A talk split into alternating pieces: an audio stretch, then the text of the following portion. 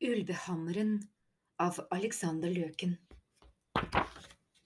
Prolog Svalbard 13. januar 1889 Fem skikkelser trosset den piskende snøføyka. Stormluktene deres kastet lys på tre konstruksjoner som sikkert hadde vært kraner eller støttepilarer. De liknet knuste ribbein der de stakk opp av snøen. Som delvis blokkerte gruv inngangen en glefsende kjeft i den bratte fjellsiden. De fire andre klatret etter. Deline tok lederen av seg den pelsforede hetta. Ansiktet hennes var blekt, med unntak av de blå-svarte tatoveringene som prydet haken. De minnet mest om tårnekledde rosestikker, der de strakte seg fra hakespissen til underleppa. Hun hadde på seg en lye av ull, og hårtjafser røde som glør rammet inn ansiktet hennes. Jeg tror dette er den rette gruven, herr Brandt, sa hun og snudde seg til mannen som kom etter henne. Det må det være. Petter Brandt tok også av seg hetta. Han hadde et smalt ansikt med en tynn, uinteressant bart som for øyeblikket var dekket av frost. Utvilsomt, bemerket Brandt. Er det noen andre gruver her på Svalbard? Kaptein Olga Rystvik ristet på hodet. Ikke foreløpig, sa hun, som jeg vet om, men det er vel bare et spørsmål om tid før flere får øynene opp for kullforekomstene her. La oss gjøre det vi kom hit for, brumet han. Øynene skjelte under svartebrun som omfavnet hverandre over neseryggen. Kaptein Rustvik skjøt et skarpt blikk tilbake. Ta det rolig, Krygger, snerret hun. Ikke glem hvem som bestemmer her. Otto Krüger la demonstrativt en vottekledd hånd på riflestroppen han hadde hengende over skulderen. Jeg lystrer ikke kvinnfolk, nærmest spyttet han. Dran er lederen for svartskjortene, og jeg tar kun imot ordre fra ham. Kaptein Rustvik fikket til den store mannen. Armen hennes bevegde seg så raskt at Krüger knapt rakk å blunke. Kinnvottene hennes dumpet det uventede slaget, men det var allikevel hardt. Krüger stirret forfjamset, som om han glemte at han vanligvis smadret folk i bakken for langt mindre enn dette. Jeg er kaptein på Valkyrien, freste kaptein Rustvik, og det ville ikke kostet meg en halv tanke å etterlate deg her i, i sødet. Pupillene hennes var brått små som knappenåler.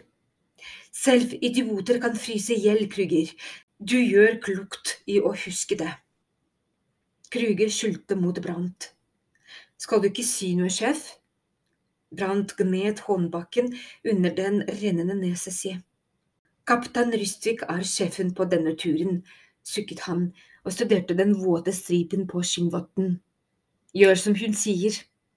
Flott, utbrøt kaptein Rystvik. Da er det avgjort. Så uten et ord til løftet kapteinen lykten og satte nedover gruva.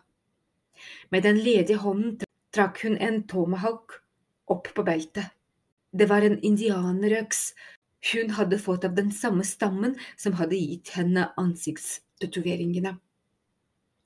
De hadde også lært henne å slåss som dem, og Rød ulv, som de hadde kalt henne, hadde raskt overgått indianerne i villskap og dristighet. Brant og Krüger fulgte etter henne med geværene parate. Bak dem igjen kom de siste to svartskjortene som ikke hadde blandet seg inn i diskusjonen. De bar en avlang trekasse mellom seg. Gruvesjakten ble smalere ettersom de kom dypere. Ikke et overflødig spadetak hadde blitt tatt for å gjøre tunnelen større enn det som var helt nødvendig. Gruvearbeidene var blitt drevet framover, kontrollert av en indre stemme, hadde de forklart. En stemme som ikke bare hadde beordret dem til å grave, men som også hadde nektet dem hvile. Flere av dem hadde kollapset av tørste og utmattelse, med huden i håndflatene forvandlet til blodige filler etter tusenvis av spadetak og hakkesvink. Etter hvert ble tunnelen så smal og lav at følget måtte gå dukknokket. Men til kaptein Rustviks lettelse ledet den snart ut i en større tunnel. En eldgammel tunnel gravd ut av langt mer kyndige hender enn gruvearbeidernes. Veggene var nesten glatte, kapteinen lot lyset fra lukten gli over tunnelveggen, et ansikt stirret tilbake på henne, og hun skvatt bakover. Stirrende øyne og sylskarpe tenner risset inn i fjellsiden. Svartskjortene løftet luktene, og enda flere ansikter kom til syne. Gudebilder fra en svunnet tid. Jeg liker ikke dette, mumlet Krüger. Kaptein Rustvik snøftet håndlig, men sa ingenting, hun fortsatte bare nedover tunnelen, stadig dypere inn i fjellet. Omsider nådde de en passasje, en buegang skåret gjennom fjellveggen. Den var høy og bred, som om større vesener enn dem skulle kunne passere gjennom. Kapteinen skrittet vaktsomt gjennom passasjen og bråstoppet. Foran henne åpnet det seg en enorm hall skåret ut av grunnfjellet.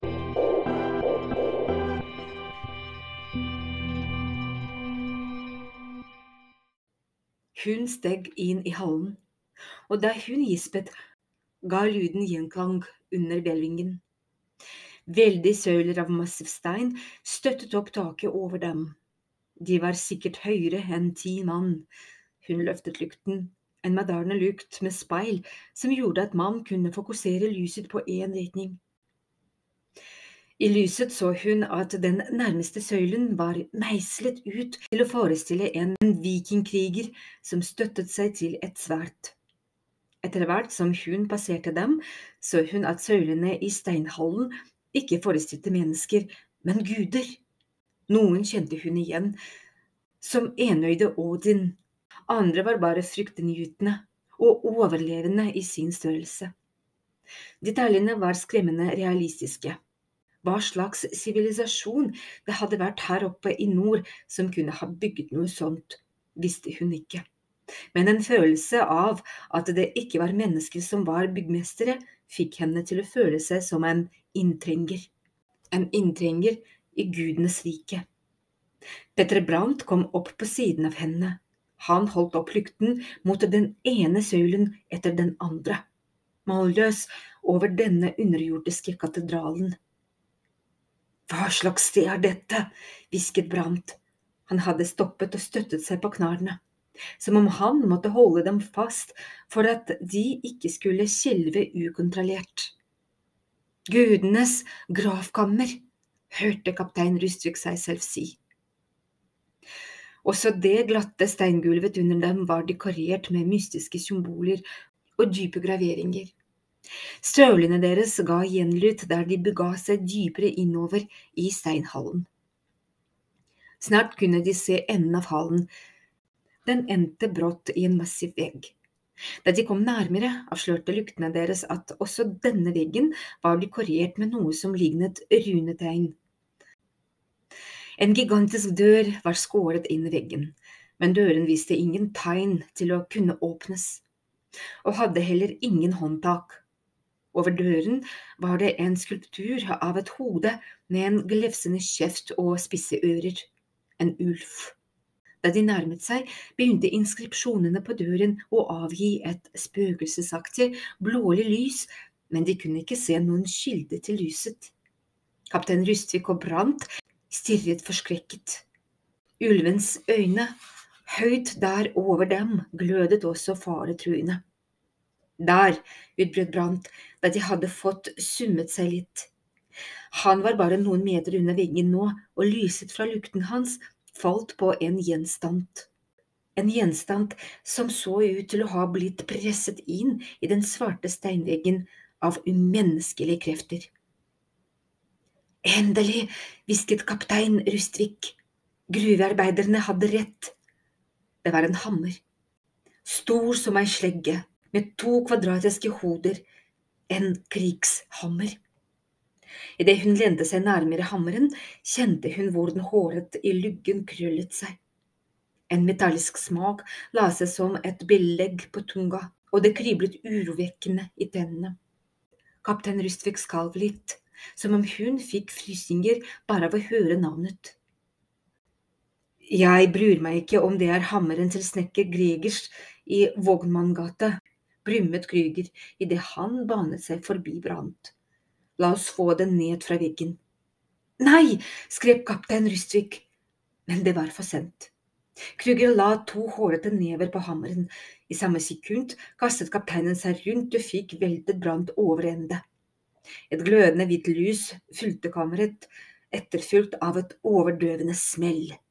Det var som en eksplosjon uten føyk og flammer. Som et lynneslag. Hammeren ble skutt ut fra veggen og kaptein Rustvik rakk akkurat å vri seg unna så den bommet på hodet hennes. Pulveriserte hjørnet på sokkelen til en av steinsøylene og skrenset videre bortover gulvet i en blålig tåke. Så stoppet den. Med store anstrengelser fikk kaptein Rustvik kavet seg opp på én arm. Hun tok seg til øret der en tynn stripe blod piplet ut.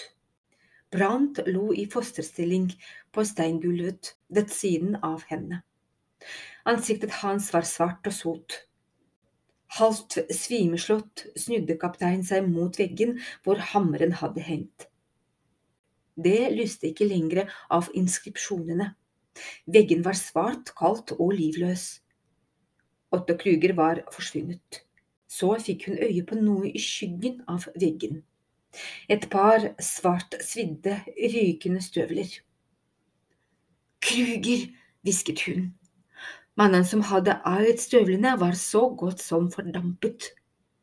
Hun gned seg i øynene og prøvde å trekke pusten. Hva skjedde? utbrøt Brant.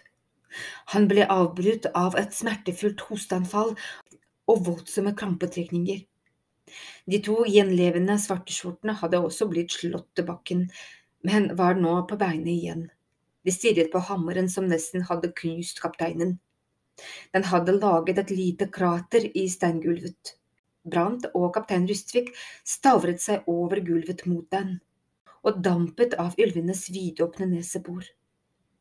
Lyset i ulveøynene hadde sluknet. Kapteinen vinket svarteskjortene til seg. Kom med kassen, beordret hun. Stemmen var tørr som høstløv.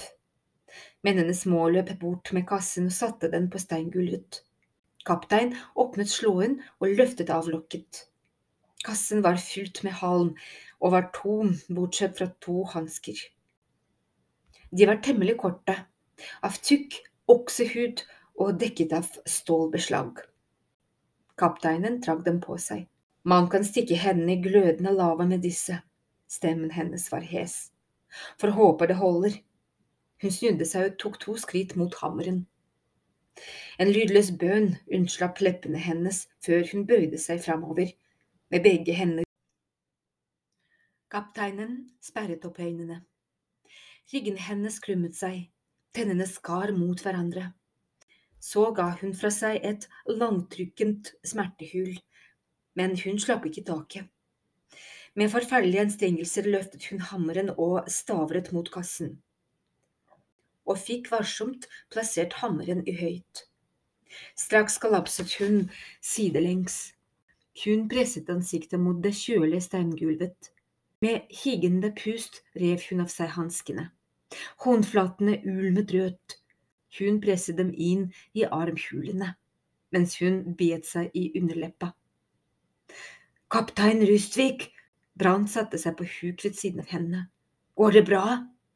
Han la en hånd på skulderen hennes, nesten omsorgsfullt, men trakk den raskt til seg. Han så på hånden sin. Jeg fikk støt, hvisket han forbauset. Kaptein satte seg sakte opp. Håret hennes så ut til å være levende der det sto ut under lua. Jeg lever, sa hun, mest for å overbevise seg selv. Stemmen hennes var svak. Hun bøyde seg ned og lykket lokket på kisten. Så låste hun den med en hengelås. La oss dra hjem. Hun kikket opp på Brant. Hermin kventer. Svarteskjortene ledet an med kassen mellom seg. Brant hjalp kapteinen, som fremdeles var ustø. Med litt anstrengelser krysset de steinhallen da de nådde buegangen på den andre siden, snudde kaptein Rustrik seg og stirret tilbake. Gravkammeret lå igjen i mørket, dødt som om ingen hadde satt sin fot der på hundrevis av år. Hva er det? spurte Brant overrasket. Jeg vet ikke, jeg tror jeg er i ferd med å bli gal. Kapteinen stirret inn i mørket, prøvde å skimte veggen langt der inne bak søylene. Jeg kunne sverget på at jeg hørte latter.